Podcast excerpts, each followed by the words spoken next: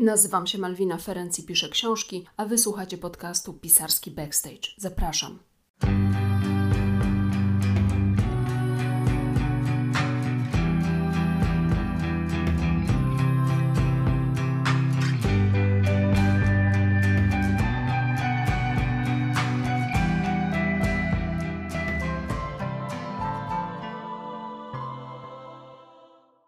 Witajcie, cześć i czołem. Nazywam się Malwina Ferenc. Mówię o sobie, że jestem rzemieślnikiem słowa, bo piszę książki. Napisałam 10, 11 powstaje i tak się właśnie teraz zastanawiam, ile jeszcze odcinków nagram, zanim powiem 11 powstała. Mam nadzieję, że mało. 11 powstaje, ma się dobrze. Tym podcaście mówię o szeroko pojętym zapleczu pisania książek. Zerkam od strony zarówno pisarza, jak i czytelnika. Mówię o tym, jak od kuchni wygląda bycie twórczynią oraz o tym, co w ogóle na rynku wydawniczym piszczy, a dzieje się tam niemało.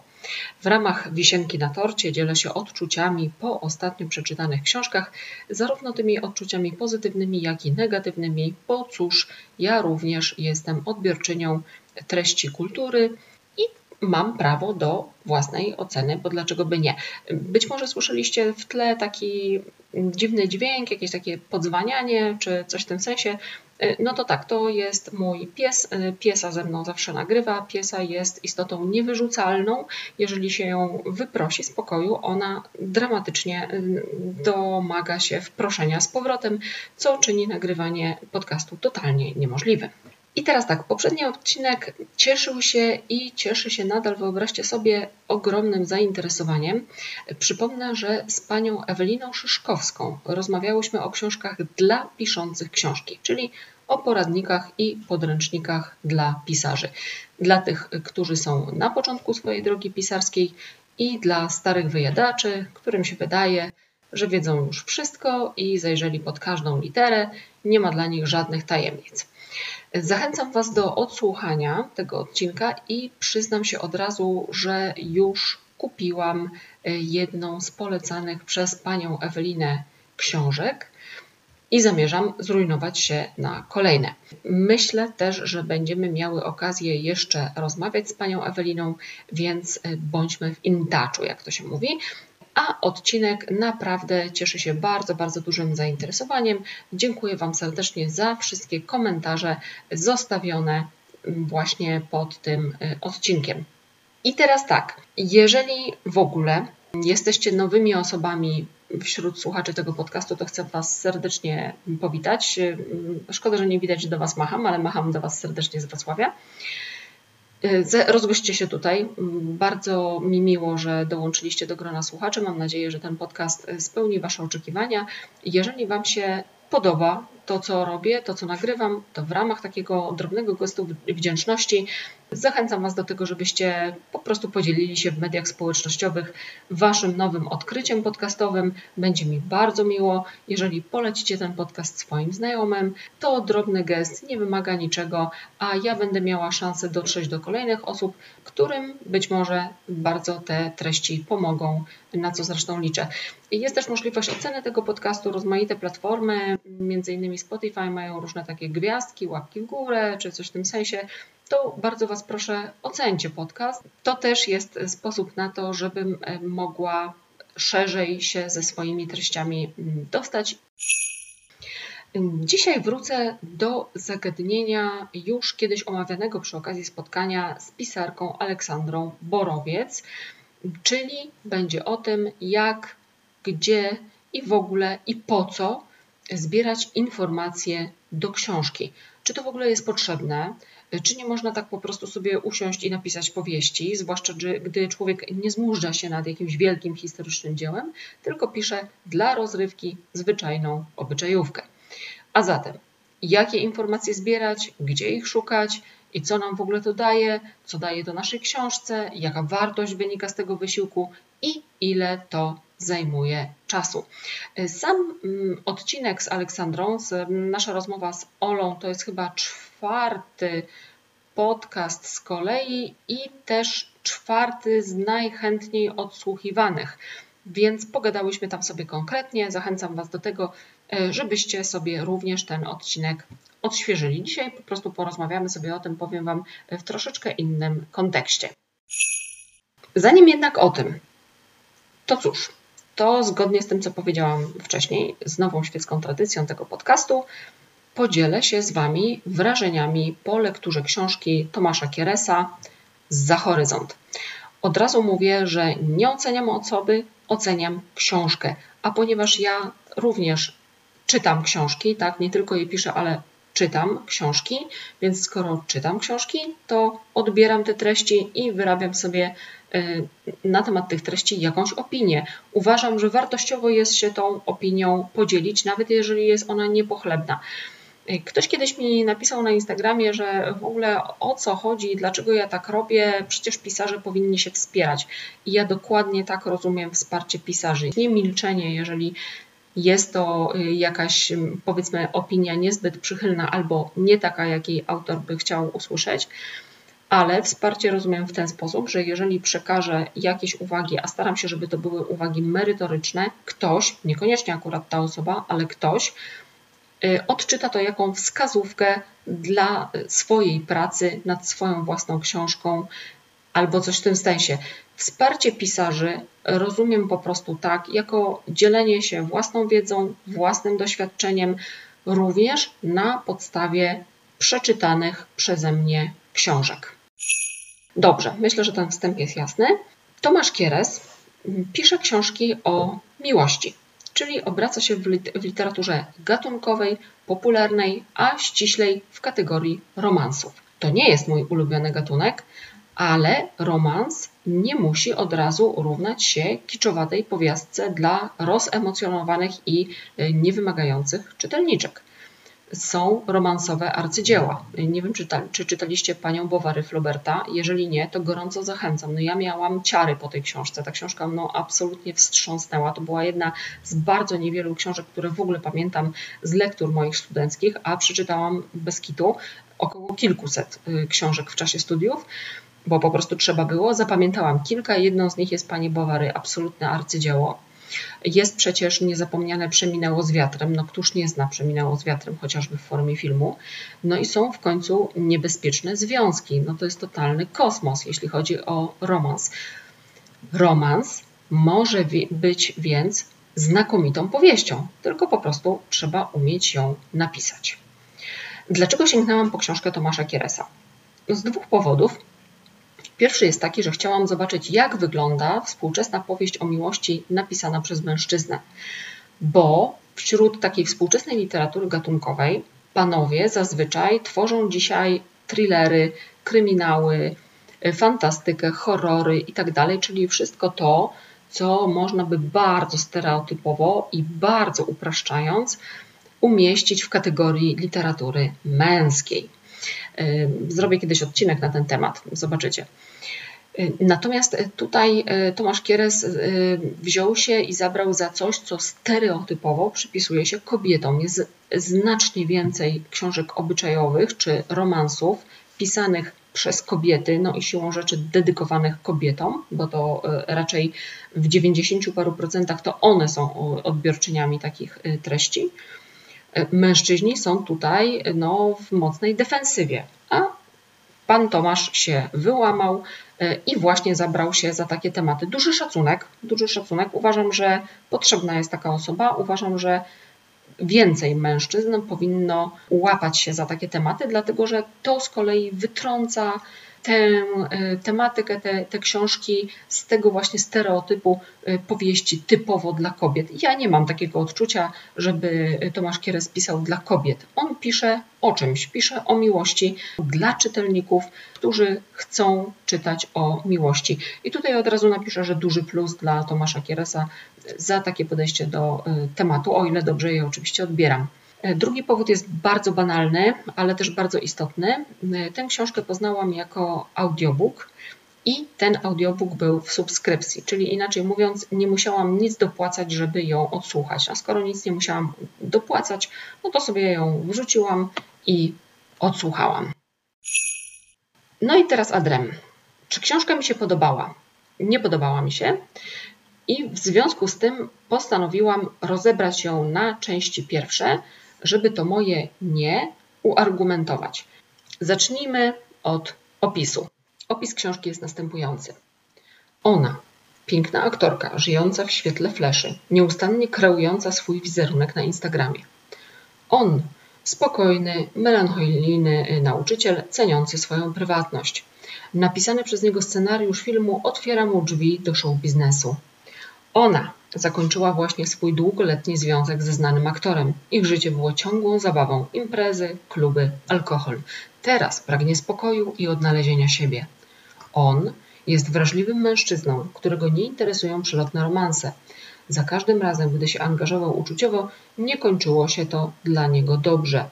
Dlatego po raz pierwszy w życiu postanawia choć ten jeden raz skupić się na bieżącej chwili bez wybiegania myślami w przyszłość. Drogi tych dwojga się przecinają, ale czy jest szansa, żeby się połączyły?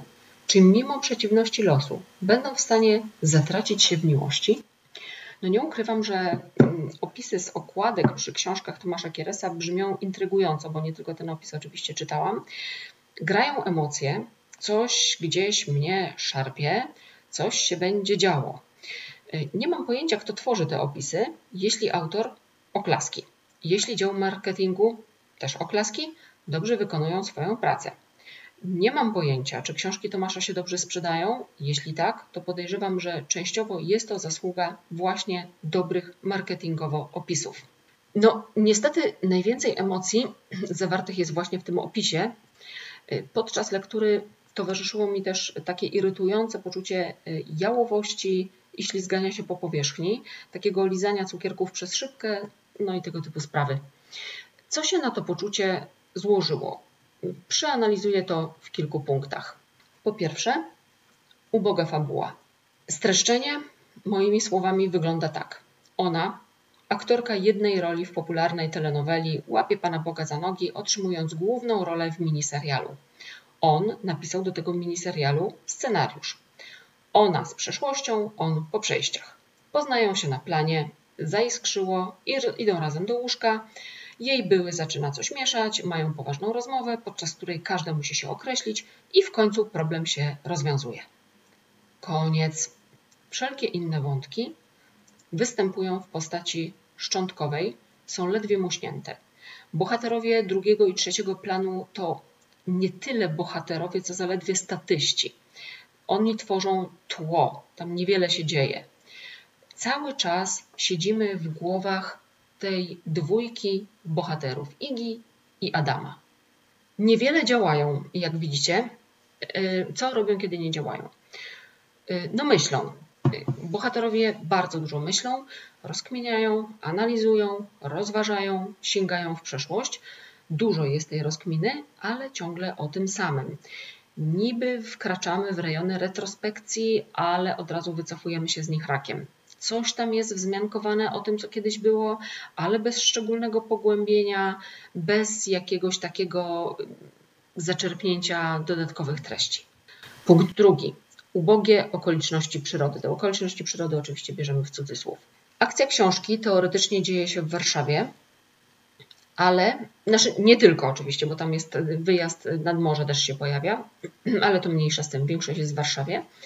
Ale tak naprawdę mógłby to być Pacanów albo Kielce. No i sorry Pacanów, sorry Kielce. E, chyba tylko raz pojawia się nazwa ulicy i jest to jedna z głównych warszawskich arterii.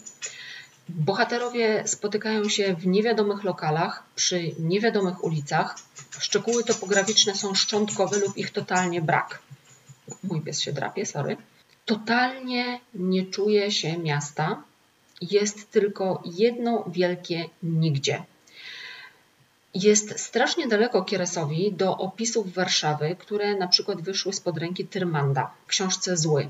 Ja rozumiem, że tu chodzi o uczucia, ale otrzymujemy uczucia zawieszone w kompletnej pustce. Nawet łono przyrody opisane jest tak prosto jak w szkolnej rozprawce, jakby autor miał traumę ponadniemnem i postanowił iść w zupełnie odwrotnym kierunku. No, mnie się akurat nadniemnem bardzo podobało, a opisy przyrody wcale nie były nudne, tak ja uważam. Nie wiem, czy autor się obawiał jakichś nieuzasadnionych oskarżeń o kryptoreklamę jakichś miejsc czy coś takiego, ale akcja dziejąca się w mieście bez najmniejszych śladów tego miasta, no nie jest dobrym pomysłem. To takie, wiecie, domyślne miasto, podstaw co chcesz. Nie wiemy też nic o filmie, w którym występuje główna bohaterka Iga. No, oni się spotykają na planie filmowym, prawda? Bohaterowie rozmawiają o tym, jak grać i czy dobrze grają. Adam udziela Idze rad o tym, ponieważ sam stworzył te postacie, napisał scenariusz, no to dzieli się tym, jak wyobrażał sobie, żeby te postaci postępowały, zachowywały się i tak dalej. Ale właściwie nie wiadomo ani trochę w czym grają. On jej właśnie udziela tych rad, ale to wiecie, strasznie jałowo brzmi, bo autor nie zdradza żadnych konkretów co do tego filmu. Pojawia się tylko, że to jest miniserial i że fajnie.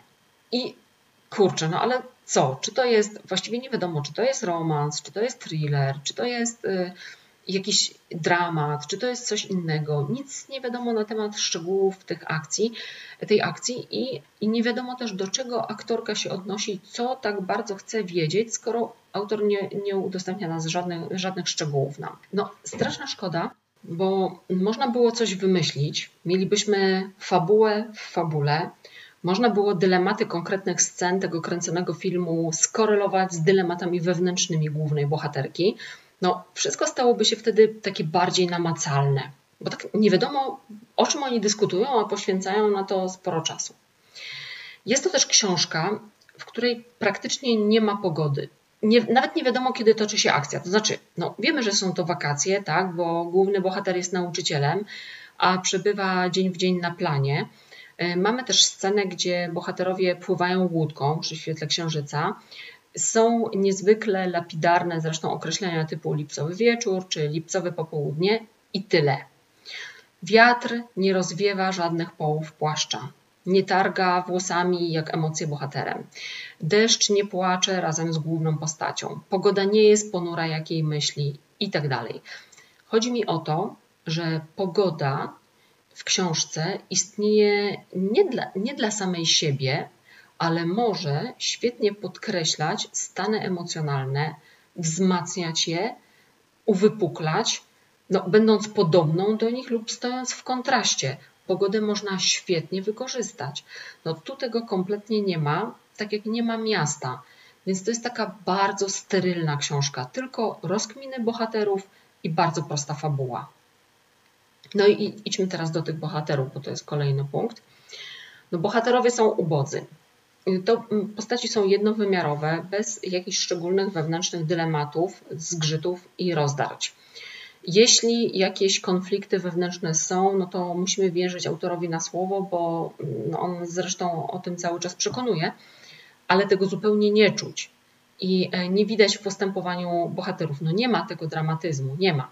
Dramat wewnętrzny dotyczy właściwie tylko jednej sprawy jej niedawno zakończonego i raczej toksycznego związku oraz jego nieudanych poprzednich miłości.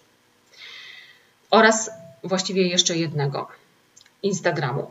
Powiem szczerze, że czasami odnosiłam wrażenie, że autor stworzył swoich bohaterów tak, a nie inaczej, żeby włożyć im w usta swoje własne przemyślenia na temat tej platformy społecznościowej.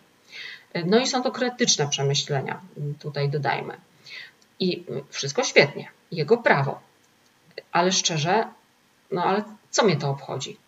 Ja chciałam dostać konflikty wewnętrzne, przełamania, problemy w stworzeniu relacji, gdy się jest po przejściach, a nie przemowy na temat lajków, followersów, cycków, dup i ogólnego upadku Instagramu.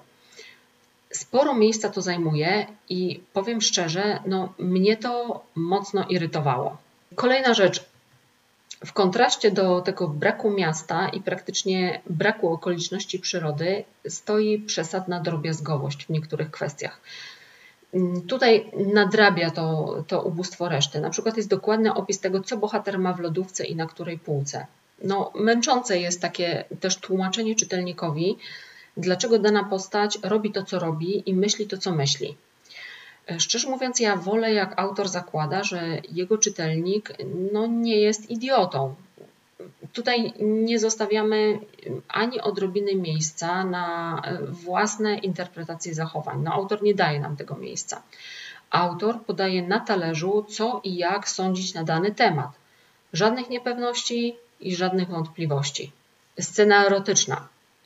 To jest coś, co też mi się nie podobało. Jest w tej książce jedna taka szczegółowo opisana scena erotyczna, no i właśnie ona jest opisana tak, że przypomina połączenie lekcji anatomii z gimnastyką sportową.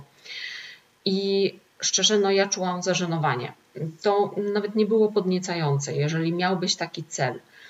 Nie było w tej y, opisie z tej sceny, nie było tam wdzięku. Y, nie odnalazłam tam delikatności czy niepewności takiego odkrywania się nawzajem, wiecie, takiego badania, no dwoje prawie obcych ludzi ryzykuje wszystko, idzie ze sobą do łóżka, nie znają się wcześniej, no po prostu to jest jedna wielka niewiadoma, jak stąpanie po polu minowym, tak, no Jakże inaczej zrobił to Jakub Małecki w książce o bardzo podobnym tytule, czyli Horyzont. Jakże inaczej zrobił to Abdul Razach Gurnach w swojej powieści Powróceni. No i jest też w końcu Solaris Lema, gdzie ma, nie ma ani słowa opisu sceny seksu, a wiemy, że, ta, że taka, y, taki fakt miał miejsce. Zastajemy bohaterów już po, ale ten fragment wprost ocieka erotyzmem. Kipią emocje, krew buzuje, a to wszystko zbudowane jest na grze światła, na opisie kropli potu, zapachu itd. Coś pięknego. Możemy sobie wyobrazić, co działo się wcześniej, i to w zupełności wystarczy. Jeden z najbardziej erotycznych fragmentów, jakie kiedykolwiek czytałam, a nie ma absolutnie żadnego opisu samego aktu miłosnego. Kolejna rzecz, gdzie był redaktor? Ja wiem, że wszyscy redaktorzy teraz wzdychają i przewracają oczami. Ja nagrałam dwa odcinki w których gościłam redaktorki zajmujące się doprowadzaniem e, do stanu używalności tego, co im przysyłają pisarze, a jest to robota żmudna, ciężka i ja w życiu nie chciałabym być redaktorką powieści, naprawdę. Więc e, o, ogromny podziw. No i ci e, redaktorzy nanoszą korekty, potem autor dostaje taki plik i akceptuje te korekty albo nie. Nie udało mi się znaleźć informacji, kto redagował książkę, ale zacytuję Wam jeden z fragmentów. To jest trzecia godzina i 27 minuta audiobooka. Przeczytał szybko wiadomość. Okazało się, że w ostatniej chwili Iga zmieniła zdanie co do miejsca spotkania. Podała nowe miejsce, bardzo przy tym przepraszając za kłopot. Na szczęście okazało się, że nowa lokalizacja oddalona jest od tego miejsca raptem o kilkaset metrów. Adam podniósł się z miejsca, jednocześnie informując kelnera, że zwalnia stolik i ruszył do miejsca przeznaczenia. No ileż razy to miejsce się tam pojawia? No zęby bolą. O ileż prościej by było, gdyby pojawiły się w tekście jakiekolwiek szczegóły topograficzne, nazwy lokali, nazwa ulicy. Nie wiem, czy to redaktor poprawiał po łebkach, bo miał na to trzy godziny, czy wszystko mu zwisało, czy to autor olał uwagi redaktora. Ale zostawienie czegoś takiego w tej książce no, robi fatalne wrażenie. Miejsce, miejsce, miejsce, miejsce, miejsce. No wiecie, no aż boli. Po przesłuchaniu tej książki mam też alergię na słowo związek. To tak swoją drogą. No i ostatni punkt to lektorka. Książkę czyta pani Joanna Domańska. Przesłuchałam chyba jeszcze trzy inne powieści czytane przez tę lektorkę i we wszystkich zauważam wprost nieznośną manierę przesadnego zniżania głosu, gdy wypowiadają się postaci męskie i podwyższania, gdy chodzi o postaci żeńskie, postaci kobiece. Przy czym, o ile te żeńskie jeszcze są jakoś zróżnicowane co do tembru głosu, o tyle męskie nie. Są więc przesadnie niskie, nienaturalne dla lektorki rejestry, co doskonale słychać i czuć, oraz cała reszta. No i efekt jest taki, że mężczyźni mówią, jakby brali korepetycję u rozbójnika Roncajsa, a kobiety to jakieś dorosłe kopciuszki czy inne księżniczki wydelikacone do bólu. To odbiera całą przyjemność słuchania książki i od czwartej godziny słuchałam na przyspieszonym. Serio, a nigdy tego nie robię. Y, od lektora bardzo dużo zależy, jeśli chodzi o książkę, a moim zdaniem ten sposób lektorowania dużo tej książce odbiera. Y, komu książka Tomasza Kieresa może się spodobać? Na pewno osobom, które oglądają polskie telenowele i seriale, no ja do nich nie należę, ale jest spora grupa czytelniczek czy czytelników, y, którzy je oglądają i chwała im za to, i oni na pewno mogliby się dużo łatwiej w tej treści odnaleźć. No, dla mnie to był kosmos. Spodobałaby się osobom lubiącym nieskomplikowaną fabułę i przemyślenia podane na tacy, tak żeby nie musiały tracić energii na własne interpretacje. Są takie osoby. Spodoba się też osobom słuchającym audiobooków przy pracy, które nie lubią, żeby książka odrywała je od ich zadań, bo tutaj fabuła sobie płynie, płynie, płynie. Nawet jeżeli coś nam umknie, nie ma problemu, autor i tak nam o tym przypomni. No i teraz trzeba zaznaczyć też taką rzecz, że ja jestem czytelniczką wymagającą, bardzo wymagającą. I nie ukrywam, że chcę obcować z dobrze napisaną literaturą i nie ma znaczenia, naprawdę nie ma znaczenia, czy sięgam po noblistę, czy po autora powieści gatunkowych, bo romans, kryminał, obyczajówka, thriller, horror mogą być świetnie napisane, nadal pozostając w sferze rozrywki. Mogą być świetnie napisane, pozostając w tej literaturze gatunkowej.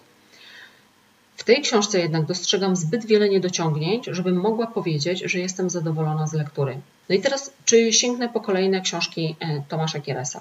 No, bardzo chciałabym powiedzieć, że tak. Tylko, że ostatnio e, mocno oberwałam po garach i mocno doświadczyłam tego, jak kruche jest życie i jak nagle może się urwać i jak mało czasu zostało. A jest wiele książek do przeczytania i do przesłuchania. I szczerze mówiąc, nie wiem, czy znajdę czas na coś jeszcze z twórczości autora. Jeśli tak, to na pewno sięgnę po książkę czytaną przez innego lektora. Idziemy do meritum, czyli gdzie, jak i po co szukać informacji do książek. Sprawa wygląda tak, że statystyczny Kowalski wyobraża sobie, że pisarz to tak siada przy maszynie, no albo dzisiaj już przy laptopie, tak, no maszyna wygląda świetnie, designersko, ale raczej się na tym dzisiaj nie pisze. Obok stoi kawa, o kolano ociera się kot. No i ten pisarz pisze, pisze, zatraca się w tym, oddaje się wenie, nie wstanie sprzed biurka, póki nie postawi ostatniej kropki. Generalnie pisze. Tymczasem e, samo pisanie to tylko część roboty. Druga część to przygotowanie do tego pisania, zbieranie danych, zbieranie materiałów, uzupełnianie wiedzy itd. To zabiera czas e, i to mnóstwo, mnóstwo tego czasu. To są również podróże, to są mm, również wywiady. No, zaraz Wam powiem dokładnie o co chodzi. Generalnie tej pracy nie widać, ale możemy spotkać się z takimi określeniami, jak na przykład ja się spotkałam przy moich dwóch ostatnich książkach. Czuję się, jakbym tam była. Jakbym szła z głównym bohaterem ulicami miasta. Jakbym widział, widział, widziała te budynki. Y, miałam, miałem wrażenie, że siedzę w głowie głównego bohatera. Miałam, miałem wrażenie zamknięcia w pułapce aż czułem, czułam gorąco y, y, idące od płonących budynków i tak dalej, i tak dalej.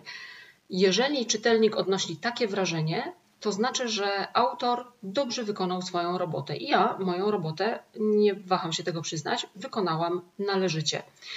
Czyli inaczej mówiąc, zbieranie materiałów sprawia, że rzeczywistość, którą kreujemy, staje się bardziej dla y, odbiorcy przekonująca. Czy przy każdej książce powinno się robić taką właśnie kwerendę research? Tak, uważam, że przy każdej, choć oczywiście nie zawsze w takim samym wymiarze.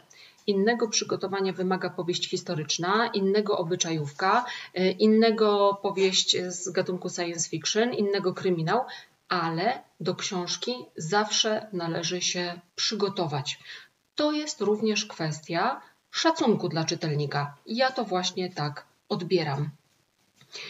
Po co nam szukanie informacji? Po pierwsze, po to, żeby uniknąć pisania oczywistych głupot. Na przykład natknęłam się na taką książkę, w której wisielec, to znaczy tam chodzi o to, że on został powieszony, tylko to było e, takie stylizowane na samobójstwo, ale generalnie gość wisi. Tuż po tym powieszeniu zostaje znaleziony i ten wisielec trzyma w ręce list. E, naprawdę mm, nie trzeba wiele wysiłku włożyć w to, żeby uzmysłowić sobie, że taka sytuacja jest z biologicznego punktu widzenia totalnie niemożliwa, ponieważ wisielec nie jest w stanie trzymać niczego ze względu na to, że wiotczeją wszystkie mięśnie. a stężenie pośmiertne, które umożliwiłoby właśnie zaciśnięcie palców na danym liście i to nawet takie porządne, zaczyna się dopiero po kilku godzinach, a gość został znaleziony w ciągu bodajże kwadransa czy pół godziny od powieszenia go. Po drugie, żeby świat przedstawiony był bardziej namacalny, żeby właśnie wciągnąć do środka czytelnika i zakotwiczyć. Po trzecie, żeby bohaterowie byli prawdopodobni pod kątem psychologicznym. Zwłaszcza jeżeli tworzymy jakąś postać, która jest skomplikowana wewnętrznie albo obarczona jakąś skazą.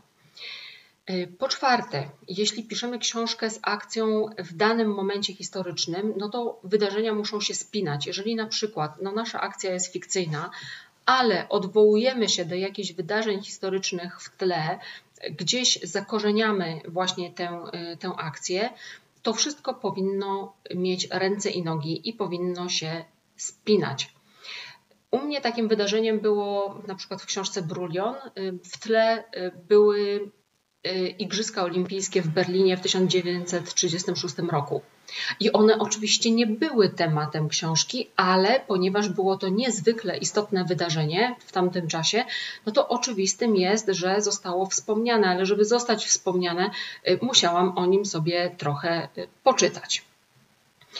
Po piąte, żeby lepiej oddać i podkreślić zdarzenia fabuły. Po szóste, żeby książka miała ciężar i jakość. Naprawdę nie jest trudno napisać byle co. Dzisiaj każdy może napisać książkę, ale nie każdy napisze dobrą książkę, taką, która zostanie niezapomniana, taka, która nie zniknie z półek księgarni po miesiącu, nie, nie zatrze się w świadomości czytelnika i pozostanie przez pewien czas, a kto wie, może i autor danej pozycji uzyska jakąś e, wartościową, ogólnokrajową nagrodę. No i po siódme w końcu, żeby nie odwalać hałtury. Jakich informacji szukać? Przeróżnych. Mogą to być dane topograficzne dotyczące miejsca, gdzie umieszczamy akcje, żeby na przykład nie było takiej sytuacji jak z książką, o której Wam w tym podcaście już opowiadałam, gdzie właściwie nie wiadomo, gdzie akcja się dzieje, bo nie pada żadne określenie dotyczące ulic, budynków, wnętrz. Jeżeli są to wnętrza, to jest to dosłownie szczątkowy jakiś opis, czyli akcja pasuje wszędzie i nigdzie. Jeżeli chcemy uniknąć tego, takiego po prostu zawieszenia akcji, akcji nigdzie, no to zbieramy dane topograficzne, które sprawią, że to otoczenie, które, mm, w którym porusza się nasz bohater, będzie takie namacalne, realne. Kolejna rzecz. Szukamy faktów historycznych, jeżeli to ma istotny wpływ na naszą fabułę, żeby uwiarygodnić akcję i żeby nie wsadzić tam głupot. Y, szukamy wiadomości z dziedziny kulturoznawstwa, y, zwyczaje, obrzędy, mity, wierzenia, kuchnia danego regionu, sposób spędzania wolnego czasu, rozrywka, y, kwestie językowe. Dla regionu, miejsca i czasu, w którym umieszczamy fabułę. Nie w każdej książce oczywiście jest to punkt istotny, to co powiedziałam Wam wcześniej, ale są takie książki, gdzie nierzadko trzeba to po prostu sobie zgłębić, chociażby jeśli chcemy zróżnicować język bohaterów pochodzących na przykład z różnych terenów. Można się do tego odnieść. Y, kolejna rzecz. Sprawdzamy mm, przy takich kwestiach psychologicznych y, różne informacje. I to jest ważne, to co powiedziałam już dla budowania wiarygodnego bohatera, zwłaszcza jeżeli y, chcemy, żeby miał jakieś fobie, jakieś zaburzenia, jakąś skazę, jakiś problem. Jeżeli ta postać ma być wiarygodna, to musimy trochę na ten temat się dowiedzieć. Y, szukamy wiadomości z dziedziny medycyny, na przykład anatomii, ale oczywiście nie tylko, jeśli jest to potrzebne dla naszej akcji i dla naszej postaci. Wyobrażam sobie, że na przykład y, w przypadku kryminałów czy thrillerów y, takie informacje mogą się przydać. Tu znów odniosę się do takiej książki, którą czytałam e, jakiś czas temu, zresztą tego samego autora, co ta e, opcja z, wisiel z wisielcem. W jego poprzedniej książce e, był taki psychopata, który mm, trzymał swoje ofiary uwięzione w piwnicy i miał taki zwyczaj, że po prostu zadawał im rany nożem co jakiś czas. E, Bayer polega na tym, że sposób zadawania tych ran, czy po prostu rodzaj tych ran, które te ofiary odnosiły, Mm, uniemożliwiałby im przeżycie dłuższe niż kilka godzin. One tam siedziały kilka dni i wyszły stamtąd żywe, przynajmniej jedna. Więc y, no, takie rzeczy po prostu się sprawdza, czy możliwe jest zadanie takich ran, żeby mm, utrzymać daną ofiarę, mówiąc brutalnie, przy życiu przez taki okres, jaki jest wymagany dla fabuły, bo inaczej wychodzi y, zwyczajna bzdura. I tutaj od razu też uczulam, czytelnik naprawdę jest wrażliwy na takie rzeczy i czytelnik naprawdę świetnie orientuje się, kiedy autor mu zapodaje ściemę i wciska kit. I to nie jest tak, że nikt nie zwraca na to uwagi. Absolutnie nie.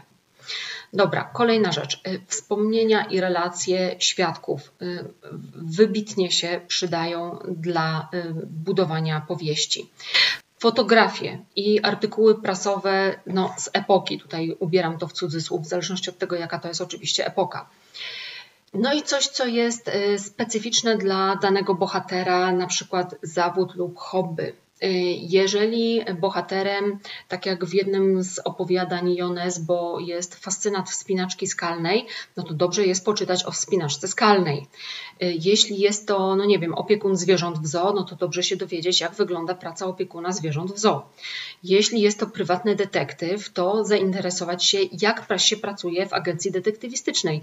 No bo tutaj też dzieliłam się kiedyś z Wami mm, wrażeniami po przeczytaniu pewnej książki, gdzie autorka mm, opisuje y, pewną postać pracującą w agencji detektywistycznej, no i ten bohater y, mm, pada z jego ust taka wypowiedź, że w soboty pracuje w terenie. No błagam, to nie jest tak, że od poniedziałku do piątku pracuje się za biurkiem. No tak się po prostu nie dzieje. Trzeba y, trochę więcej sobie poczytać na temat pracy agencji detektywistycznych, bo później w książce znajdują się takie kocopały, że głowa mała.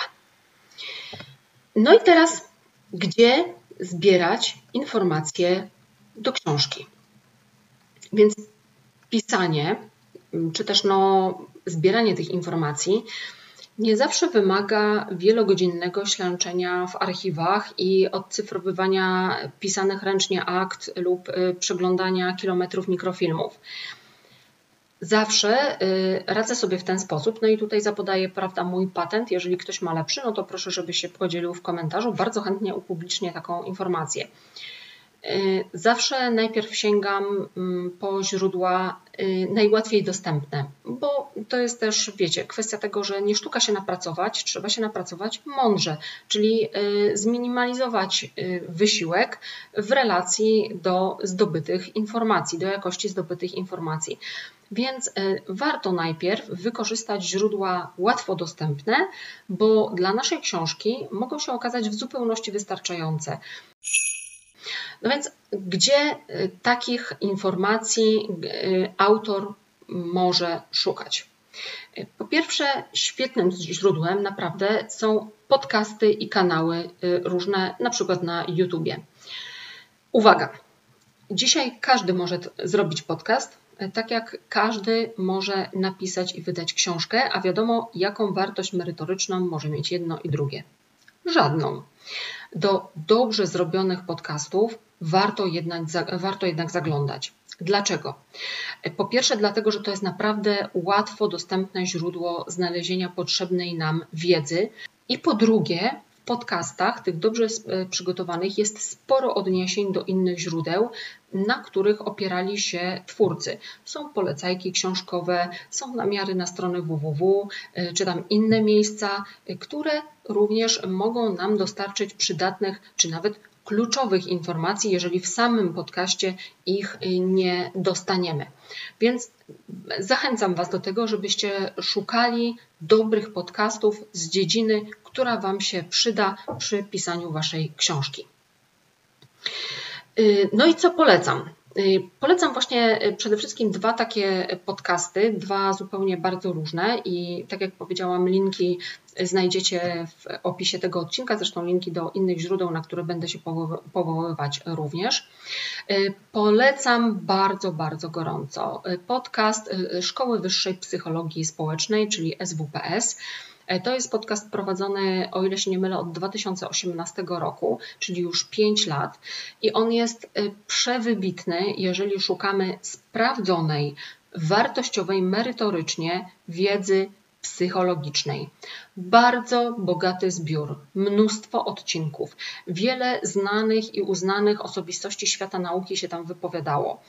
Jeżeli konstruujemy bohatera z jakimś zaburzeniem, z psychopatią, z osobowością e, z pogranicza, na przykład to jest tak zwany borderline, z depresją, z ADHD, e, osobą, która ma syndrom DDA czy syndrom PTSD, od razu mówię, że DDA i PTSD to nie są zaburzenia osobowości, tylko to są wypracowane przez organizm sposoby radzenia sobie z nadmiernym stresem, czyli ten właśnie syndrom, to jest sposób radzenia sobie z nadmiernym stresem. Jeżeli konstruujemy taką postać, no dobrze jest poczytać sobie, czym dany syndrom się charakteryzuje. Jeżeli szukamy wiedzy z dziedziny seksuologii, również zaburzeń seksu seksualnych, również przemocy seksualnej, e, również przemocy seksualnej wobec dzieci i skutków przemocy wobec dzieci, e, jeżeli rozkładamy zdradę na czynniki pierwsze, bardzo gorąco polecam podcast SWPS. Naprawdę nie stracicie, jeżeli e, tam zajrzycie. Ja słucham dosłownie prawie każdego odcinka od dechy do dechy. Przesłuchałam prawie cały podcast. 5 lat prowadzone to jest złoto. Jestem przekonana, że wiadomości tam ujęte pozwolą Wam uwiarygodnić Waszego bohatera albo i wzbogacić go o jakąś głębszą warstwę, a niezwykle ważne jest to, że są to informacje bardzo, bardzo sprawdzone pod kątem ich rzetelności, y, ponieważ jest to po prostu podcast stworzony przez stricte środowisko naukowe. I oczywiście chyba w prawie każdym odcinku, z tego co sobie przypominam, na koniec podawane są książki, które dany gość poleca do przeczytania. No po prostu miód, malina, sięgajcie po to. E, drugi taki podcast, z którego korzystałam i który też no, niezwykle gorąco polecam, on jest taki trochę mm, hermetyczny, bym tam e, powiedziała. To jest podcast, który był robiony, bo on już się zakończył e, przez studentów historii Uniwersytetu Wrocławskiego. To była historia od nowa, Wrocław 1945 i potem. I tam znalazłam niezwykle wartościowe dla mnie informacje ale wartościowe nie tylko poprzez treść samego podcastu, no, który no, naprawdę świetnie mi to y, ubogacił, y, tę moją książkę, ale również y, poprzez to, że tam właśnie trafiłam na takie pozycje książkowe, które następnie kupiłam i które przeczytałam od dechy do dechy i które stały się właśnie taką bazą merytoryczną bazą y, danych, na których zbudowałam, wykreowałam mój świat przedstawiony. Czyli jedna rzecz podcasty i kanały na YouTubie.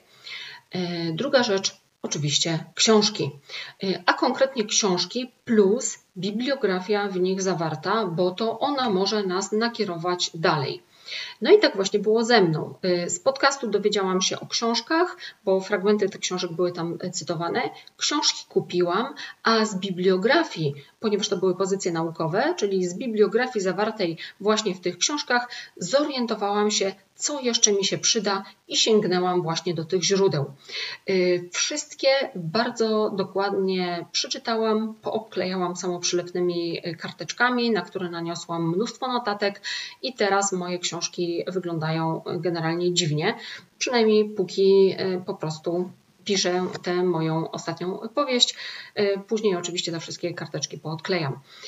Część książek może być trudno dostępna. Ja kupowałam na przykład w antykwariatach moje książki. Nie wszystkie były dostępne w takiej bieżącej sprzedaży. Kupowałam na Allegro jedną książkę, Obce Miasto, Gregora Tuma. No, prawdziwy biały kruk dostałam, uwaga, uwaga, uwaga, od czytelniczki. I normalnie szałciał i uprzęży. Kłaniam się tej osobie w pas, bardzo, bardzo Pani dziękuję. Bardzo. Ta książka to jest, no nie poradziłabym sobie bez niej przy tworzeniu tej powieści. I y, między innymi dlatego też staram się bardzo dobrze tę książkę napisać, y, napisać z wdzięczności dla daru, jaki Pani dla mnie y, zrobiła. No naprawdę kłaniam się w pas. Bez Pani to by to nic. nic by nie było.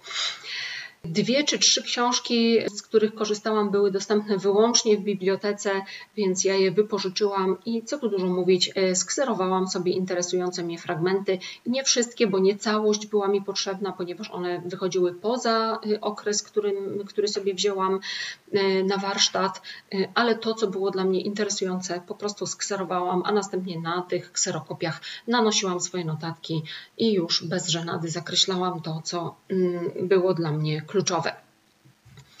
Y, kolejna rzecz, y, sięgamy do prasy. Y, oczywiście, w zależności od tego, kiedy umieszczamy fabułę, no, prasa przybiera bardzo różne postaci. Strony internetowe poszczególnych gazet, świetne źródło informacji. Może być tak, bardzo często tak zresztą jest, że żeby otrzymać dostęp do interesujących nas artykułów, no, trzeba wykupić subskrypcję albo po prostu dokonać takiej jednorazowej opłaty za dany artykuł. Zaprawdę powiadam Wam, warto to robić, bo y, bardzo często właśnie natykamy się na informacje, które na przykład nie pojawiły się w żadnej z książek. Ja tak miałam, u mnie tak było, mm, albo y, na informacje, które dostarczają nam danych, które są na tyle szczegółowe, czy też na tyle z wąskiego jakiegoś zakresu, że po prostu w książkach ich, ich nie ma z, z oczywistych względów, a są właśnie w takich newsach, newsach gazetowych no chociażby na przykład też jakieś ogłoszenia. E, prasa papierowa, no i tutaj kłaniają się czytelnie. Mm, we Wrocławiu jest czytelnia chociażby Uniwersytetu Wrocławskiego z przebogatym archiwum. E, może przyjść do niej każdy, wypożyczyć dany rocznik i wyszukać interesujących go treści.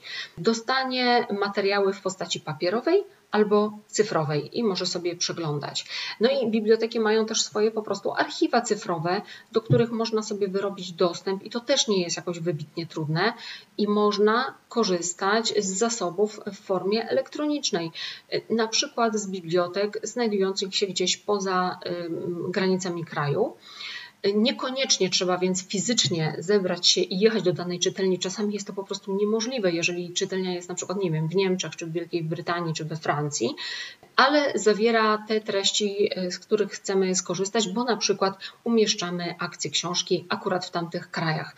Więc można sobie za pomocą takich właśnie archiwów cyfrowych, dostępu do archiwów e, cyfrowych, można sobie przeglądać y, y, zasoby biblioteczne online. I to jest świetna opcja, naprawdę ją polecam. Zresztą tak się dzieje nie tylko w przypadku prasy, również w przypadku wszelkich pozycji naukowych, w przypadku książek również. Archiwa. Dużo osób sobie wyobraża, że autor to tak, jeżeli e, sięga po archiwa, to startuje do IPN-u. E, moi drodzy, wbrew pozorom do IPN-u to wcale nie jest tak prosto wystartować, bo nie wiem, czy sprawdzaliście, w jaki sposób można się zapoznać ze źródłami ale to nie jest tak, że każdy może tam po prostu uderzyć. Trzeba być albo, albo pracownikiem naukowym, i to udowodnić. Trzeba być studentem i mieć tak jakby glade od swojego y, prowadzącego. Taki glade, że zajrzenie do y, archiwów IPN-u jest Wam akurat potrzebne i trzeba dokładnie opisać, co Wam jest y, potrzebne. Możesz też złożyć wniosek jako osoba, która chce się zapoznać z teczką kogoś z Twojej najbliższej rodziny. I wtedy nie potrzebujesz żadnego glade'u, powiedzmy skądś tam, ale dostaniesz tylko i wyłącznie tę teczkę, która wynika z Twojego pokrewieństwa. Ale jak można to obejść? Bo można bardzo dużo archiwalnych rzeczy można znaleźć w sieci. Nie mam pojęcia, na jakich zasadach zostały tam umieszczone na poszczególnych stronach. Wierzę, że legalnie, bo strony, do których się odwoływałam, wyglądają bardzo wiarygodnie i są e, profesjonalnie zbudowane, profesjonalnie prowadzone.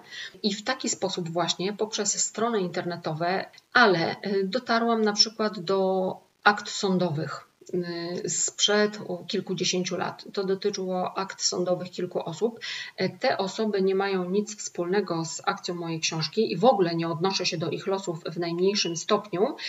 Chodziło mi o samą formę dokumentu jako takiego. I na przykład zapoznałam się z wyrokami śmierci, e, zapisałam, zapoznałam się z prośbami o łaskę, e, z protokołami rozpraw sądowych, z protokołami przesłuchań oskarżonych i świadków. No i te znaleziska w kontekście mojej książki są dla mnie bezcenne, czyli nie chodzi mi o to, kogo dotyczyły, ale jak na przykład formułowano list z prośbą o łaskę i w jaki sposób przychodziła odpowiedź na ten list, pozytywna bądź też negatywna. W tych dokumentach, e, które znalazłam, odnoszono się też do poszczególnych e, paragrafów e, kodeksu karnego z tamtego okresu, który mnie interesuje. Więc odszukałam sobie ten kodeks, no bo wiecie, podawali paragraf taki i taki bez przytoczenia treści tego paragrafu, więc żeby wiedzieć w ogóle o co chodzi, odszukałam sobie ten kodeks, żeby znaleźć treść tych paragrafów. I nie było z tym najmniejszego problemu, bo właśnie y, zarówno aktualna, jak i wcześniejsze y, wersje kodeksu karnego są dostępne na stronach rządowych absolutnie bez problemu. Wystarczy wpisać odpowiednią treść w wyszukiwarce i pięknie nam to wyskakuje. Możemy się zapoznać z ustawami w ich obecnym kształcie i w kształcie, y, które miały kiedyś. Żaden problem, naprawdę. No i znów, skoro jesteśmy przy stronach internetowych, y, no to opuszczamy ten rejon archiwów, takich albo innych. Strony internetowe jako takie. Wikipedia. Absolutnie nie lekceważmy. Ja wiem, że tutaj śmieją się z różnych autorów. Ja też sobie takie, y, wiecie, podśmiechujki robię, że autor przy pisaniu książki historycznej zajrzał tylko i wyłącznie do jednego artykułu z Wikipedii i to mu w zupełności wystarczyło. Oczywiście takie przypadki są, ale Wikipedii absolutnie nie lekceważmy, bo to co prawda nie jest alfa i omega i zdarzają się tam błędy, ale podstawowe informacje możemy stamtąd zaczerpnąć. Informacje również, które nakierują nas do innych źródeł ale w bardzo wielu przypadkach takie informacje y, są najzupełniej wystarczające. Niezwykle przydatne mm, okazały się dla mnie blogi i inne strony internetowe. Chodzi mi o takie strony, które były profesjonalnie prowadzone. To znaczy, były to blogi po, po, poświęcone jakiejś konkretnej tematyce. Na, na, przykład były to serwisy o motoryzacji, zwłaszcza o dawnej motoryzacji. Były to blogi y, poświęcone umundurowaniu różnych y, armii. Był to blog w ogóle na przykład o modzie męskiej i tam również był y, artykuł o mundurach. Y, był blog o rodzajach broni palnej y, używanej w poszczególnych okresach, przez kogo używanej, jak zdobywanej, jak noszonej i, tak. No, to było świetne. Był blog o modzie w różnych latach, nie tylko męskiej, ale też kobiecej, o wystroju wnętrz w różnych latach, o kuchni regionalnej, o zwyczajach. Wszystkie te blogi przeglądałam, bo no, Informacji jest absolutnie mnóstwo i naprawdę wiele osób posiada bardzo, bardzo szeroką wiedzę z danej dziedziny i w ten sposób właśnie y, znalazłam na przykład dawne niemieckie nazwy ulic w Kłodzku, y, były niepotrzebne w Kłodzku, we Wrocławiu i w Legnicy wraz z informacją kiedy te nazwy zostały zmienione, na jakie zostały zmienione i ewentualnie, jeżeli nadal te nazwy były zmieniane, to w jakich okresach i jak się to kształtowało. Świetnie przydają się, jeżeli tutaj już jesteśmy w strefie tej internetowej, świetnie przydają się różne grupy na Facebooku. Chodzi mi tutaj na przykład o, grupach, o grupy takie zamknięte. Ja na przykład zapisałam się do pewnej takiej grupy dla liderów fanów i dla patronów i zostałam patronką na Patronite. W ten sposób zyskałam dostęp na przykład do niepublikowanych dotąd wspomnień ludzi z interesującego mnie okresu. Były tam też oczywiście fotki, które okazały się również dla mnie bezcenne, bo na przykład przedstawiały ulice tak wyglądające, jak widziałaby je moja bohaterka, która w danym okresie nimi szła. Co jeszcze nam się przydaje? Przydaje nam się, przydają nam się serwisy z fotografiami. Co do fotek, no to są dwa takie główne serwisy, z których korzystam. To jest Fotopolska.eu i polska.org.pl. No i linki oczywiście w opisie odcinka. Nie mam potrzeby pobierania tych zdjęć. Pobieranie zdjęć jest możliwe za symboliczną opłatą. Tam się płaci taką cegiełkę. To naprawdę nie jest duża cegiełka. Chodzi o to, żeby wszystko było na legalu, więc za drobną opłatą dane zdjęcie można wykorzystać w sensie, że pobrać je. Natomiast y, y, ja za niektóre płaciłam i rzeczywiście je pobierałam. Y, natomiast y, najbardziej interesowały mnie te zdjęcia, żeby w ogóle można było na nie y, popatrzeć. Po co to robimy? Żeby miasto, mm, czy to miejsce, które opisujemy, jeżeli jest miejscem akcji, żeby było wiarygodnie przedstawione, no to trzeba sięgnąć po takie zdjęcia. No, nie ma innej opcji.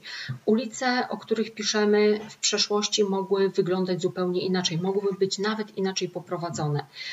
Archiwalne zdjęcia dostarczają mnóstwa informacji, no a to z kolei y, pomaga w wyobraźni, w budowaniu klimatu, w odzwierciedlaniu szczegółów topograficznych. Tutaj też korzystałam na przykład z dwóch takich y, baz y, zdjęciowych bibliotek niemieckich, niemieckich bibliotek fotograficznych i też zostawię Wam linki.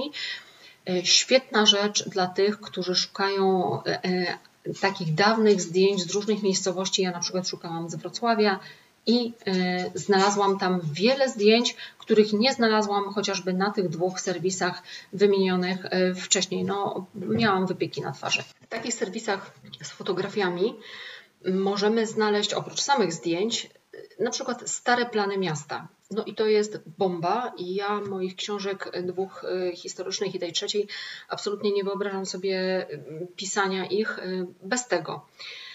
Nie tylko ulice nazywały się inaczej, ale tam, gdzie na przykład dziś jest przejście, wcześniej go nie było, no i na takich planach są pozaznaczane tamtejsze linie tramwajowe, a to wiadomo, że też mogło się zmienić. Więc e, jeżeli piszecie, że bohater jechał tramwajem, no to sprawdźcie, czy to w ogóle było możliwe.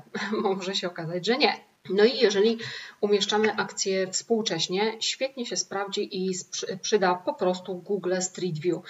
E, to nie zawsze wygląda tak, jak sobie statystyczny Kowalski wyobraża, że e, pisarz, żeby napisać o jakiejś miejscowości, to musi do niej pojechać. Odbywa taką pisarską podróż i tam na miejscu sobie tę y, miejscowość bada. Oczywiście tak byłoby optymalnie, no ale jeżeli pisze na przykład, nie wiem, o Buenos Aires, no to raczej byłoby to trudne. I zaprawdę powiadam Wam, korzystajcie, unikniecie wielu głupich błędów. No i oczywiście większość czytelników, mówiąc y, potocznie, to zleje, ale y, pójście po linii najmniejszego oporu to nie jest to, co bym zalecała, jeżeli chcemy napisać wartościową książkę.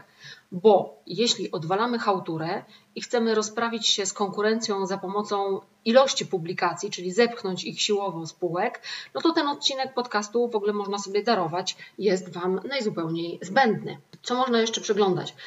Archiwa meteorologiczne. I tak jak wspomniałam wcześniej, wbrew pozorom to wcale nie jest taka pierdoła. Y, poza tym, jeżeli zakorzeniacie akcje w realiach historycznych i zakładacie jakieś wydarzenia, mogłoby się okazać, że na przykład nie byłyby one możliwe właśnie ze względu na taką, a nie inną aurę, jaka wtedy panowała. Ludzie y, sprawdzają takie rzeczy. Ja szukałam informacji, na przykład, jaka pogoda była 30 czerwca 1946 roku. Dlaczego akurat w ten dzień? No to sobie wpiszcie w wyszukiwarce, co się zdarzyło 30 czerwca 46. I dane pogodowe były dla mnie bardzo istotne, żeby opisać, w co byli ubrani ludzie w tym dniu. A to z kolei pozwoliło mi uwiarygodnić opisywany świat. No i znalazłam serwis, y, oczywiście podaję go Wam w opisie, gdzie dla poszczególnych miejscowości prowadzono obserwacje nawet od 1900 roku. Co prawda, mojej miejscowości wśród nich nie było, ale wybrałam taką, która była położona stosunkowo najbliżej i prześledziłam dane. No i mam to. Fenomenalnym źródłem danych do książki są rozmowy, najróżniejsze. E, zakładam oczywiście, że nie piszecie reportażu, bo tutaj tego punktu w ogóle nie trzeba by było poruszać. No to jest oczywista oczywistość, że w reportażu sięgamy po rozmowy, ale rozmowy niezwykle, niezwykle się przydają też z innych względów. Po pierwsze, dla budowania klimatu. E, po drugie, dla oddania detali, realiów, w których osadzacie akcje. Nie wszystko znajdziemy w książkach. Kolejna rzecz, dla budowania wątków pobocznych lub urozmaicenia głównego. W takich rozmowach e, z osobami, ze świadkami jakichś wydarzeń mogą się pojawić e, jakieś elementy, jakieś informacje, które no gdzieś tam Wam coś zaskoczy, prawda? Zaświeci się ta, to światełko i zbudujecie na przykład jakiś świetny, świetnego bohatera drugoplanowego, bazując właśnie na informacjach y, pozyskanych w trakcie takiej rozmowy. I na przykład nie zakładaliście wcześniej, że takie dane zdobędziecie, ale zdobyliście je i w ten sposób Wasza książka y, zyskała. Potrzebne są te rozmowy na przykład dla weryfikowania tego, co już zdążyliśmy się dowiedzieć. Więc takie rozmowy nam się przydają również dla poznania innego punktu widzenia. Niekoniecznie to niekoniecznie mogłoby być, niekoniecznie oznaczałoby, nie wiem, weryfikację czegoś pod kątem, czy to jest prawda, czy nie, ale po prostu poznanie czegoś z innego punktu widzenia, chociażby, nie wiem, piszemy o II wojnie światowej, poruszamy się w jakimś tam środowisku żołnierskim, no ale punkt widzenia cywila to jest zupełnie inna wojna. Więc takie dodatkowe informacje ze strony cywilów, nie ze strony żołnierzy, mogłyby świetnie być świetną wartością dodaną dla naszej książki. Przydaje nam się też dla zrozumienia lokalnych nie tylko lokalnych zjawisk historycznych. Nie wszystko wydaje nam się jasne. Bywa, że w takich rozmowach z ludźmi mieszkającymi na danym terenie takie zrozumienie przychodzi, no bo oni na swój sposób taki nienaukowy mogą nas w pewne rzeczy wtajemniczyć. No i przede wszystkim to się przydaje dla wiarygodnego języka dialogów, zwłaszcza jeżeli różnicujemy język bohaterów, jeżeli chcemy go dostosować do epoki, czy też dostosować do danego regionu, w którym umieszczamy akcję.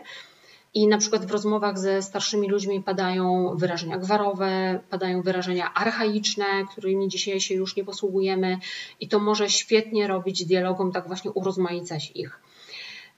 I mm, jeżeli e, na przykład no nie mamy możliwości porozmawiać z ludźmi z danej miejscowości czy okresu, no bo albo jest to prawda, niedostępne ze względów czasowych, albo y, ze względów no, lokalizacyjnych, no to warto sięgnąć po reportaże, jeżeli takie są, bo mnie na przykład szalenie pomogła książka Pawła Reszki Płuczki. Autor nagrywał swoich rozmówców i y, w książce pojawiają się ich wypowiedzi nieskorygowane. No, dla mnie złoto, pełne błędów, yy, takich wiecie, to jest taki normalny język, jak ludzie mówią. Powtórzenia, błędy jakieś fleksyjne, błędy składniowe, jakieś takie potoczne wyrażenia, urwane zdania fantastyczna sprawa. No to jest właśnie to. Ja słuchałam, przesłuchałam Płuczki dwa razy i za drugim razem właśnie ściśle skupiłam się na tej warstwie językowej, już nawet nie tyle na treści samych wypowiedzi, co na ich konstrukcji. Niezwykle mi to pomogło przydają się rozmowy ze specjalistami z danej dziedziny. Nie bójcie się konsultować różnych spraw. Ja miałam mega opory, ja w ogóle nie umiem prosić o pomoc i miałam mega opory, ale w końcu przełamałam się i okazało się, że ludzie, ależ owszem, czemu nie, wiedzą też podzielą się. I to chętnie. Pozwoliło mi to uniknąć wielu głupot na przykład. I na koniec o, trochę o czytaniu e, wartościowych, dobrych książek. To nie jest coś, co bezpośrednio jest tą właśnie naszą kwerendą, czy tym researchem, jak to z angielska by się powiedziało. Nie odhaczymy sobie kolejnych pozycji, żeby umieścić je w bibliografii na końcu książki, ale jeśli chcesz pisać, musisz czytać. Jeśli chcesz pisać wartościowe książki, musisz czytać wartościowe książki.